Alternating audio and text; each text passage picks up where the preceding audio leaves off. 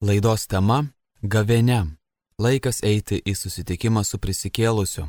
Kalba Šventojo Jono kongregacijos brolius tėvas Jonitas Kudikėlio Jėzaus Pranciškus.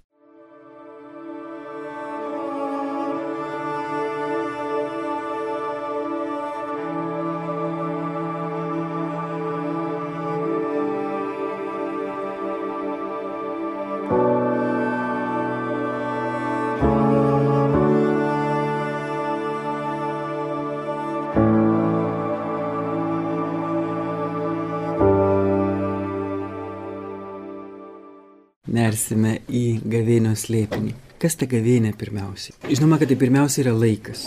Ir laikas žmogui yra labai svarbus. Nes žmogus yra įmerktas į laiką savo kūnu. Ir savo kūnu mes labai jaučiame laiką. Pavyzdžiui, kai tenka ilgai nevalgyti. Arba kai gyveni kokius 20 metų, paskui dar 20 metų ir pamatai, kad su tavo kūnu kažkas darosi, kažkas keičiasi. Gali patirti, kad tikrai laikas įtakoja tave, yra svarbus. Ir ypač tarp asmeniniuose santykiuose, jeigu esi su bičiuliu, laikas praskrieja nepaprastai greitai. Jeigu esi su nemaloniu žmogumi, jis išsitempia ir atrodo niekada nesibaigs. Tačiau tikėjimo šviesoje, religijos šviesoje laikas taip pat turi ir sakralų matmenį. Tam tikri laikai, kurie yra pašvesti Dievui, leidžia mums intimiau giliau, ypatingiau išgyventi tą santykį su Dievu. Panašiai kaip, kaip buvimas su bičiuliu. Kai esi su draugu, tas laikas yra ypatingas. Taip pat ir yra tokie įvairūs laikai, liturginiai laikai, kurie yra ypatingi mūsų santykiui su Dievu išgyventi. Gavėnė yra vienas iš tokių. Tai yra 40 dienų, 40 atgailos dienų. Ką reiškia tos 40 dienų? 40 yra skaičius, kuris dažnai pasirodo šventajame rašte. Pirmiausia, žinoma, tai yra paties Jėzaus gavėnė prieš jam einant skelbti Dievo karalystės. Jėzaus pasninkas dykumoje po Krikšto Jordane. Ir paskui po to pasninko atsimenam, piktoji dvasia įgundo, Jėzus nugali gundytoje, mūsų vardu ir už mus, ir paskui skelbia karalystę prisartino Dievo karalystė. Atsiverskite ir tikėkite Evangeliją. Tai čia pirmasis ženklas - gavėnios pagrindinis provaizdis. Tačiau tai nebuvo vienintelis pasninkas šventame rašte.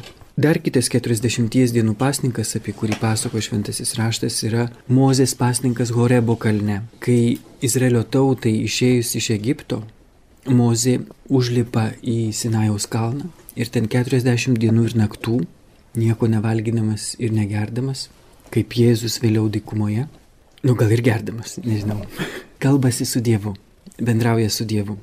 40 dienų ir naktų apgaubtas debesų.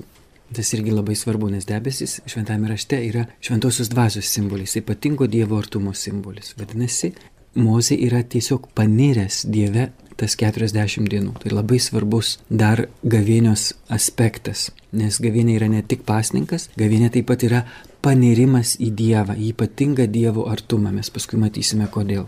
Yra ir dar kitos 40 dienų, tai pranašo Elijo kelionė iš Izraelio į tą patį Horebo kalną, kuriame buvo sudaryta pirmoji sandora per Mozę, kai jis keliauja iš tikrųjų prie ištakų, savo tikėjimo, savo tautos religijos ištakų į šaltinį, atgauti tikėjimą, sustiprinti tikėjimą, nes jis, kaip žinot, po to sudėtingo įvykio su Balio kunigais, kai karalienė Jezabelė prisiekė, kad jisai gyvas neliks dėl to, kad išžudė jos kunigus, jis išeina pas Dievą. Ir eidamas per tą dykumą, jis praranda drąsą, nusimena, jis susirga depresija. Ir, ir sako, aš negeresnis, sako viešpačiu, aš negeresnis už savo tėvus, pasimk mane. Bet angelas jį pažadina, pakelia, pastato ant kojų, sustiprina, pamaitina pirmin, pirmin į tą Dievo kalną, į susitikimą su Dievu. Ir būtent ten, susitikę su Dievu, labai ypatingai jūs prisimenat, kaip įvyko tas susitikimas. Dievas buvo ne žemės drebėjime, ne žaibuose, ne ugnyje, ne audroje, ne vėtroje. Jis buvo ramiame vėjelio šlamėjime. Ir po šito susitikimo Elijas jaučia, kad jo širdis užsidega vėl. Liepsnoja meilė ir uolumu dėl, dėl Izraelio Dievo. Jis yra pasiryžęs grįžti su naujomis jėgomis kovoti už, už savo Dievą. Tai jau trečiosios 40 dienų. Yra dar kitų 40, jau nebe dienų, bet metų. Tiesa, dar yra viena vieta, kur yra 40 dienų, tai tvanas. Tvanas, per kurį tik tai susisnojus išsigelbsti iš viso aštuoni žmonės. Kaip rašo Petras savo laiške, kas irgi yra labai simbolinis ir svarbus skaičius. Aštuoni tai yra prisikėlimo skaičius. Nes prisikėlimo diena yra aštuntoji diena. Penktadienis yra šeštoji diena, kada žmogus buvo sukurtas kaip vyras ir moteris, šabas yra septintoji savaitės diena, kada Dievas ilsėjosi po visų savo darbų ir kada Jėzus kape ilsėjosi po didžiausio darbo, kurį atliko Dievo darbo, tėvo darbo. Ir aštuntoji diena, pirmoji naujos savaitės diena, aštuntoji diena, kur niekada nebesibaigia, yra prisikėlimo diena. Dvasinė prasme niekada nebesibaigianti diena. Ir todėl aštuoni žmonės, kurie išsigelbsti Nojaus arkoje jau savo skaičiumi simbolizuoja tą aštuntąją dieną prisikėlimo slėpinį. Kaip ir mūsų bažnyčia, jeigu skaičiavote, kiek ten yra kampų, tikriausiai matėt, kad yra aštuonkampi. Tai irgi yra prisikėlimo ženklas, prisikėlimo slėpinį ženklinanti simbolinė tikrovė. Seniau ir krikštyklos būdavo, krikštyklos tai ne šiaip koks dubenėlis, iš kurio pasėmus vandenėlio porą lašų užpilė ant kūdikio, bet tai buvo tiesiog baseinai, į kuriuos suaugę žmonės būdavo panardinami visų kūnų tris kartus. Ir iš tos krikštyklos būdavo aštunkampis. Irgi, kad išreikštų prisikėlimo slėpinį. Toliau 40 metų jau šį kartą, tai yra Izraelio tautos kelionė per dykumą. Po Sandoros Sinajaus kalne ir po bailaus Izraelitų atsisakymo paklusti Dievo valiai ir užkariauti šventąją žemę, nes jūs tikriausiai prisimenat, kaip ten grįžę žvalgai papasako, kokia tai yra nuostabi žemė, tekanti pienu ir medum, bet kad to žemės gyventojai yra gigantai ir mes atrodėme kaip skeriai, kaip žiogai prieš juos. Ir jie nepatikė Dievu, kuris jiems sako, kad juos ves nepaklūsta Dievui iš tikrųjų ir todėl Dievas juos pasmerkia, galima sakyti, 40 metų klajonių dykumoje, kad jie išlaisvėtų, kad jie iš vergų, bailių vergų taptų drąsiais, laisvais žmonėmis. Nes per porą mėnesių Egipto vergovės tvaikas neišgaravo. Reikėjo 40 metų. Visi šitie 40, jie kažkaip išreiškia, simbolizuoja gavėnios lėpinį. Gavinė yra pasninkas, kada kartu su Jėzumi mes suvokiame, kad žmogus gyvas ne vieną duoną, bet ir kiekvienu žodžiu, kuris išeina iš Dievo lūpų. Kad mes priklausome nuo Jo, kad Jis yra mūsų gyvybės šaltinis. Kartu su Moze per gavinę mes suvokiame, kad yra panirimas į debesį, į šventąją dvasę, panirimas į Dievą. Kartu su Eliju matome, kad gavinė tai yra naujas mūsų širdies užsidegimas dėl viešpaties, naujas uolumas, naujas ir gilesnis, intimesnis santykio su juo užmėsgymas. Kartu su Nojumi matome, kad gavinė yra nuplovimo visų nedorybių ir blogybių nuplovimo metas. Ir jau prisikėlimo slėpinio pažadas tie aštuoni asmenys Nojaus arkoje. Ir 40 Izraelio tautos metų dykumoje reiškia, simbolizuoja, kad gavinė yra išsilaisvinimo laikas, kada mes iš vergų tampame laisvais sunumis, tampame tikrais vaikais, paveldėtojais, įpėdiniais tėvo dovanų. Gavėnė prasideda trečiadienį, tai irgi yra svarbus simbolis. Katalikų bažnyčioje nebelabai beatsimenama, kokia yra trečiadienio prasme. Nes, kaip žinote, kadangi laikas yra sakralus, tai tas sakralumas laiko jis pasireiškia taip pat ir mūsų kasdienybėje, mūsų kasdieninėme ritme, savaitės ritme. Penktadienį, kaip žinote, minime viešpaties mirtį ant kryžiaus už mus ir todėl mes pasninkojame penktadienis kiekvieną mėnesio penktadienį, išskyrus Velykų laiką, tarp kitko. Nes Velykų laikas 50 dienų, čia yra kita simbolika, į kurią šį kartą nesigilinsime, nes tai pirmą reikia išgyventi gavėnios 40 atgailos dienų. Paskui galėsime pasigilinti apie 50 džiaugsmo dienų, kurios yra Velykų laiko dienos. Bet kiekvieną metų penktadienį pasninkaujame, atsimindami, išgyvendami tokiu būdu Jėzaus mirtį ant kryžiaus, jo kūno dovana už mūsų gyvybę. Šeštadienis šabas yra e, laikas, kada bažnyčia ypatingai mini mergelę Mariją, nes tai yra ta šabas, kada Jėzaus kūnas ilsėjosi kape.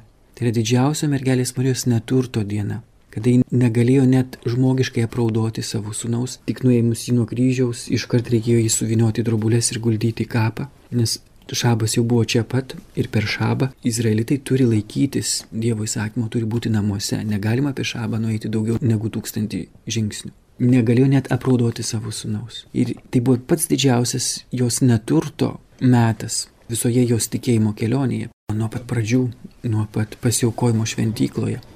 Ir, ir todėl tas šabas, tas poilsio ir kartu nepaprasto Marijos tikėjimo minėjimas šeštadienis. Sekmanį žinoma viešpaties prisikėlimo diena.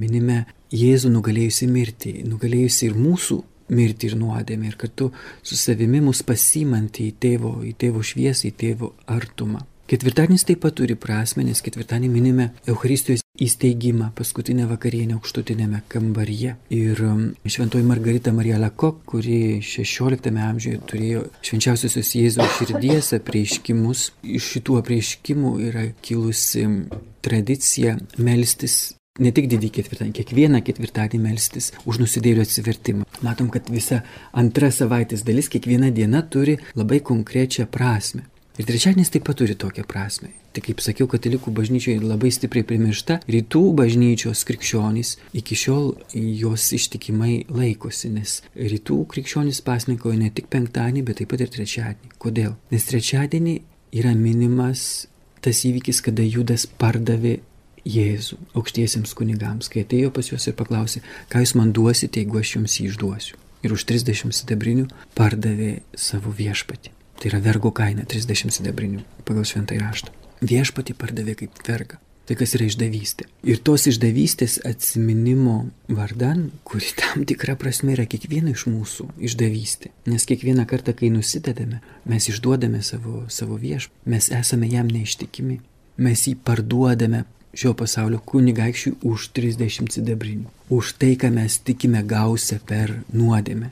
Kokia jį ten bebūtų. Ar malonumai, ar pinigai, ar garbė. Tai yra tie 30 sidabrinių, kurie mus pražudo. Žinome, kokia yra judo baigtis.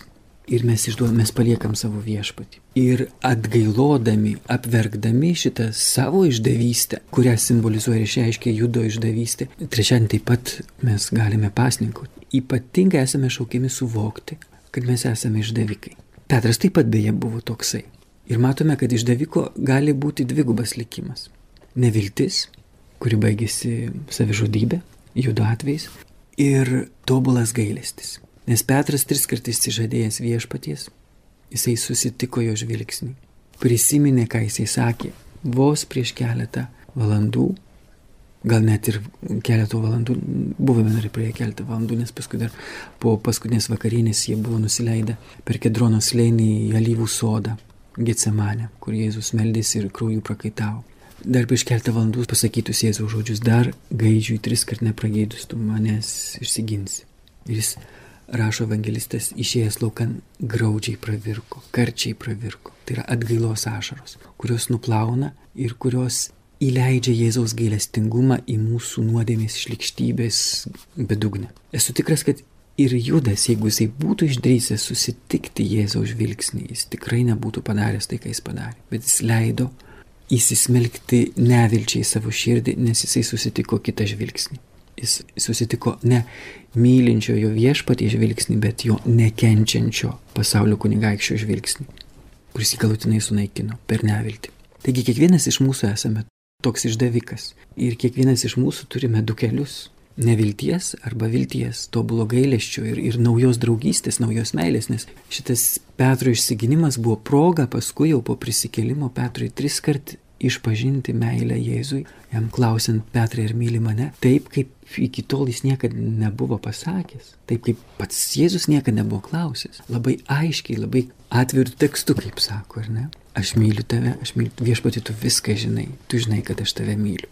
Matome, kaip šita išdavystė tapo pretekstu dar gilesniam ir atviresniam meilės išpažinimui viešpaties atžvilgiu. Jam dar skaudžiau dėl nuodėmės sunaikinto mūsų bičiulystės ir meilės santykių su juo. Tačiau nepaisant visų šitų atgailos pasninko apsimarinimo aspektų.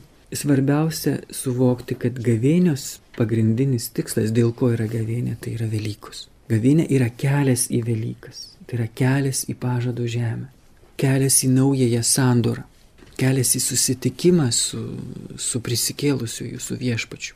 Ir šitas kelias yra žymimas, tikrai tai yra šviesos kelias, jis yra nužymėtas nušvitimo evangelija. Kadangi gavėnė senosios bažnyčios laikais buvo laikas, kada katekumenai, žmonės, kurie ruošėsi tapti krikščionimis, turėdavo paskutinius parengiamuosius, vadinamosius e, skrutinium egzaminus verčia lietuviškai. Ištyrimus tikriausiai teisingiau būtų versti lietuviškai. Kai kiekvieną sekmadienį katekumenai kandidatai priimti krikštą yra ištyriami jiems teikiami egzorcizmai, patepami katekumenų aliejumi, kuris sustiprina juos, tiksliau nesustiprina, paruošia kovai su piktaja dvasia. Patepimas katekumenų aliejumi yra senovės pasaulio simbolinis toks reliktas, nes antikos laikais atletai, imtynininkai išsitepdavo aliejumi kūną tam, kad galėtų lengviau išslysti iš priešininko rankų. Nes kai yra slidi oda, yra sunku pačiupti. Mm, priešininką. Tai katekumenų aliejumi ištepamas katekumenas yra parengiamas dvasiniai kovai su nesukūnu ir krauju, kad lengviau išslystų iš jo nagų. Tokia e, simbolinė prasme šito šitos apieigos. Jam yra taip pat perdodamas tikėjimo išpažinimas, perdodama viešpaties malda, tėve mūsų.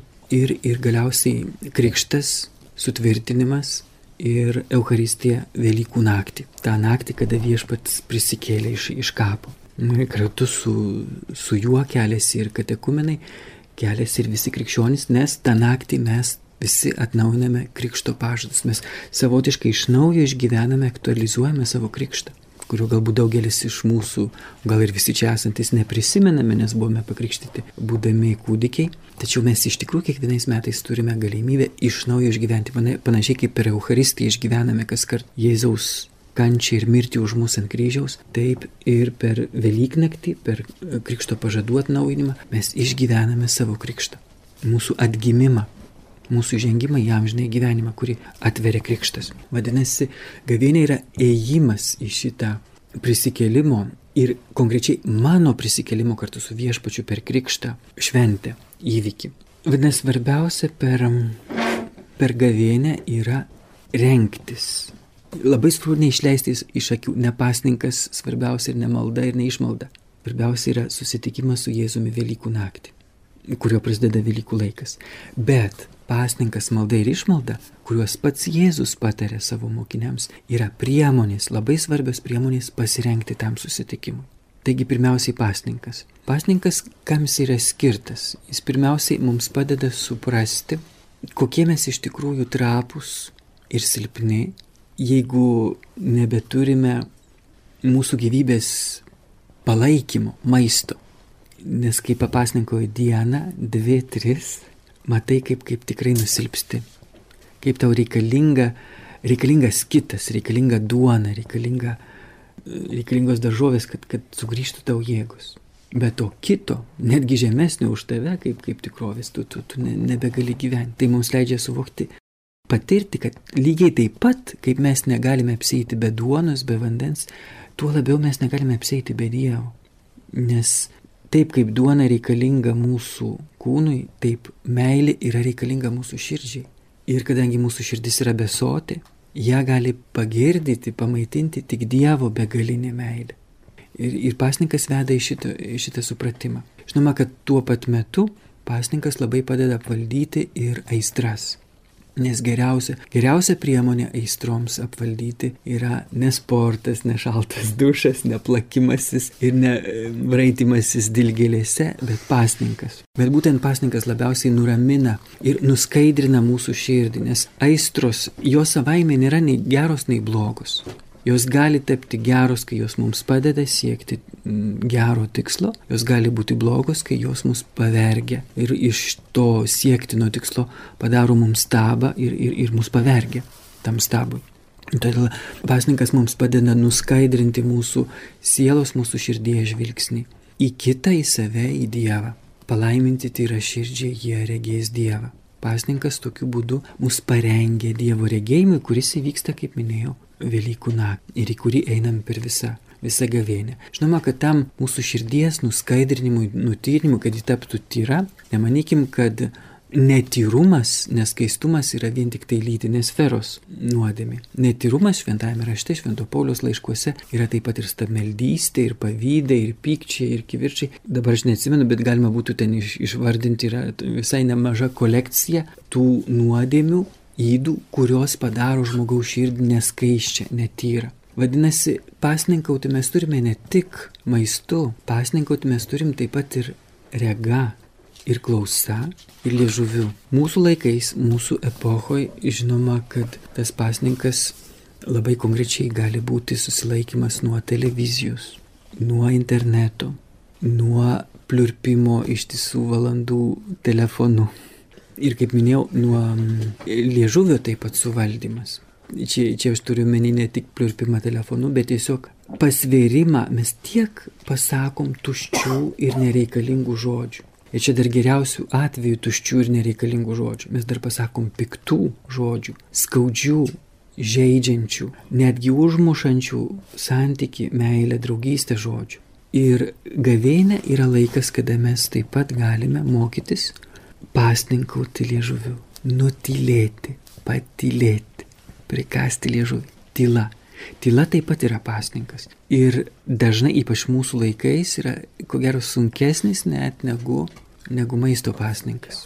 Mūsų reguloj, brolių ir seserų reguloj, šventojo nuo brolių ir seserų reguloj, tėvelis įsteigės yra, Maridominik Filipas yra parašęs, kad didžiausia askezė broliai laikys būtent tylą, kurią mūsų dvasinė šeima laiko kaip didžiausia askezė. Meilės tyla, ne šiaip ledinė, tyla, kuri atitolina mus vienus nuo kitų, bet, bet meilės tyla, Marijos tyla. Ir gavėnė yra puikiausias laikas, kada mes galime nerti į šitą tylą, pasninkauti liežuvį, pasninkauti žodžiais. Ir tada, tada kiekvienas žodis, kai jau praveri lūpas ir kažką sakai, įsigauna, įsigauna visai, visai kitą svorį, kitą skonį, kitą vertę.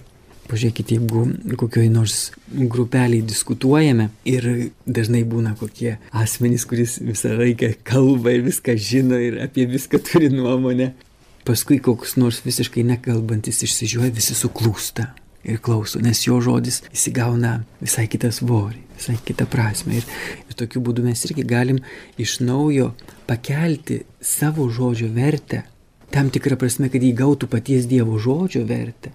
Nes jeigu mes tylime, tai ne, ne tam, kad tylėtume, bet kad mylėtume, o kad mylėtume, mums reikia išgirsti Dievo žodį, kuris yra meilės žodis.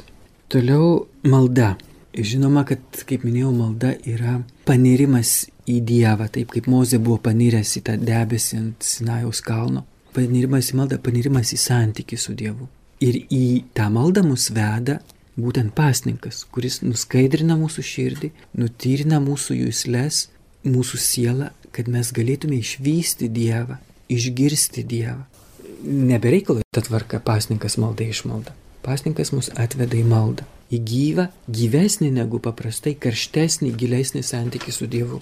Matot, kad pasninkas, padėdamas mums suvaldyti aistras, sustiprina mūsų dvasios galės, kuriomis mes būtent ir, ir melžiamės, mūsų protą ir mūsų valią.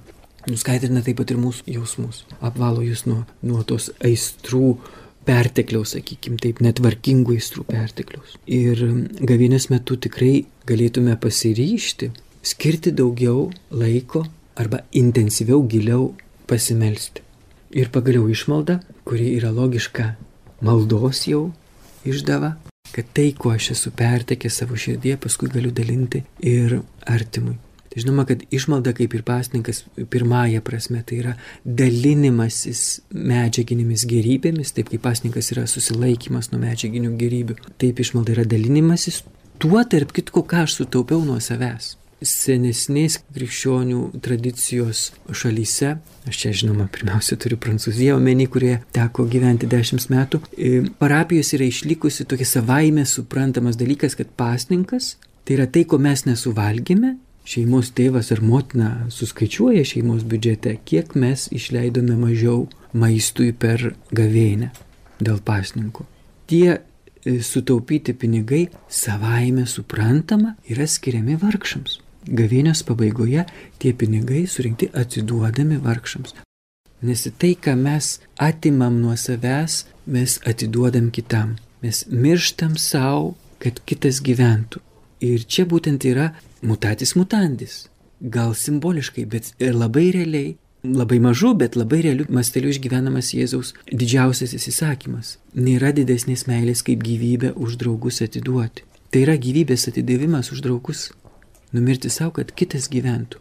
Ir to gyvybė pirmiausia yra meilė. Žinoma, kad ta proga, kai tu atiduodi save, tu gali labiau, labiau išgyventi meilę. Ir čia vėlgi mūsų laikmečių mes išmaldą galime suvokti giliau, prasmingiau, plačiau negu vien tik tai materialinių gerybių dalinimasis mes galime duoti išmaldą savo laiko, savo dėmesio, savo šilumos. Ir pirmiausia, pačių artimiausių atžvilgių. Todėl, kad yra labai tokia didelė pagunda eiti, savanoriauti, karitauti, tarnauti kokiems vargšams ir tokiu būdu truputėlį pasijusti gelbėtojų kartu su Jėzumi, kuris yra gelbėtojas. Ir tai nėra blogai, tai yra labai gražu. Bet kai grįžti namo, savo artimuosiuose pamatai savo tikrai veidą, nes jie yra ta kaip veidrodis.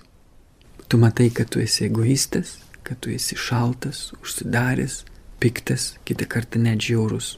Ir va būtent šitų žmonių, kuriuos man Dievas duoda mylėti kiekvieną dieną, dažniausiai nuo ryto iki vakaro, būtent šitų žmonių atžvilgių labiausiai reikalinga toji išmalda - dėmesio, laiko Ir galbūt daugam to išmalda bus paprasčiausiai nepasakyti kokio bjauraus žodžio. Nemurmėti, neburbėti, nepriekaištauti, neišmetinėti, nekaltinti.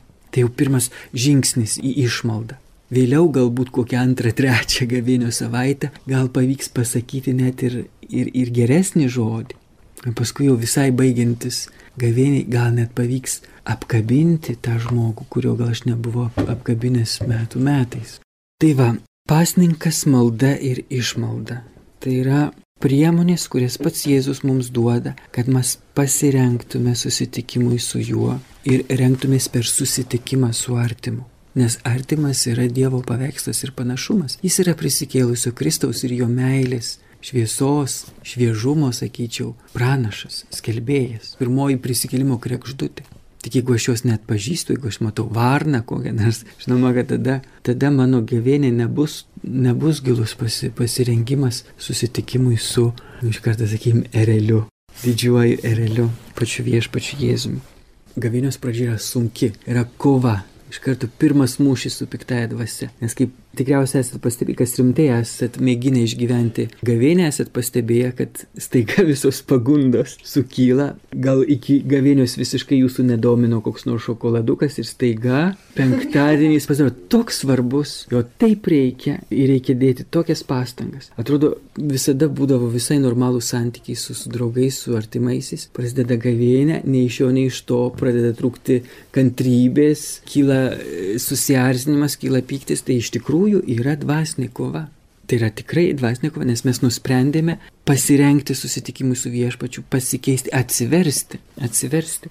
Ir pradžia yra, yra sun, sunki kova. Matom, kad tos dvasinės kovos mus sustiprina, išgrina ir veda į gilesnį intimumą su Dievu. Dar net netėjus Velykoms toks iš ankstinis Velykų džiaugsmo ragavimas, intimumo su Dievu ragavimas. Tu dievėji, tu kristėji, tu daraisi panašus į jį, nes tau yra duodama taip pat ir duoti šventąją dvasę, meilės dvasę kitiems. Pirmiausiai pačiam Dievui, nes tai yra tas meilės santykis, šventoji dvasia yra meilės santykis tarp tėvo ir sunaus. Dievas mane myli šventąją dvasę, kad ir aš jį mylėčiau šventąją dvasę. Matot, kaip tikrai tas kreščendo intensyvėjimas, vis gilesnis intimumas su Dievu, vis stipresnis išgyvenimas. Iš tikrųjų tai yra neišsamumos gelmės, bet aš tikiuosi, kad bent šitos kelios linijos, kelios kryptis jums padės iš naujo, giliau, prasmingiau priimti, suvokti gavėnios laiką ir, ir tikrai išgyventi tuo, ką motina bažnyčia, ką Dievas mums duoda per šventai raštą, per ir per vienas kitus, per tuos įrankius, pasninką maldą, išmaldą per tylą ir labiausiai per troškimą susitikti su Jėzumi, su prisikėlusiu. Neužmirškim, kad gavinė yra ėjimas į.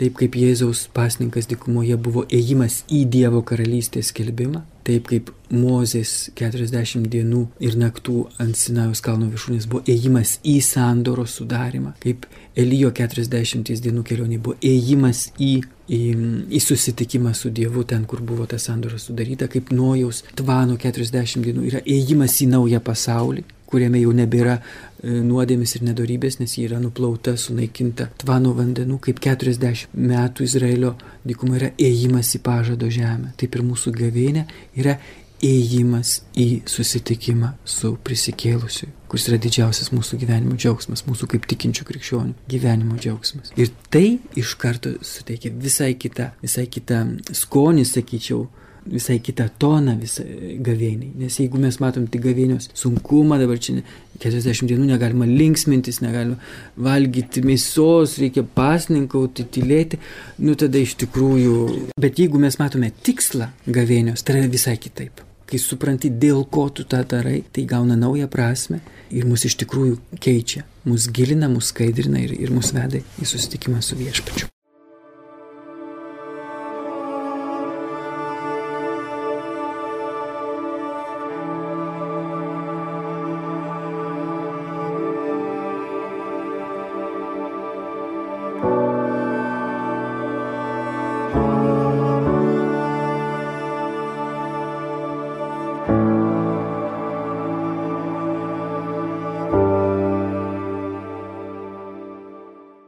Laidoje girdėjote Šventojo Jono kongregacijos broli tėvą Jonitą kudikėlio Jėzaus Pranciškų, kuris kalbėjo tema Gavene - laikas eiti į susitikimą su prisikėlusiu.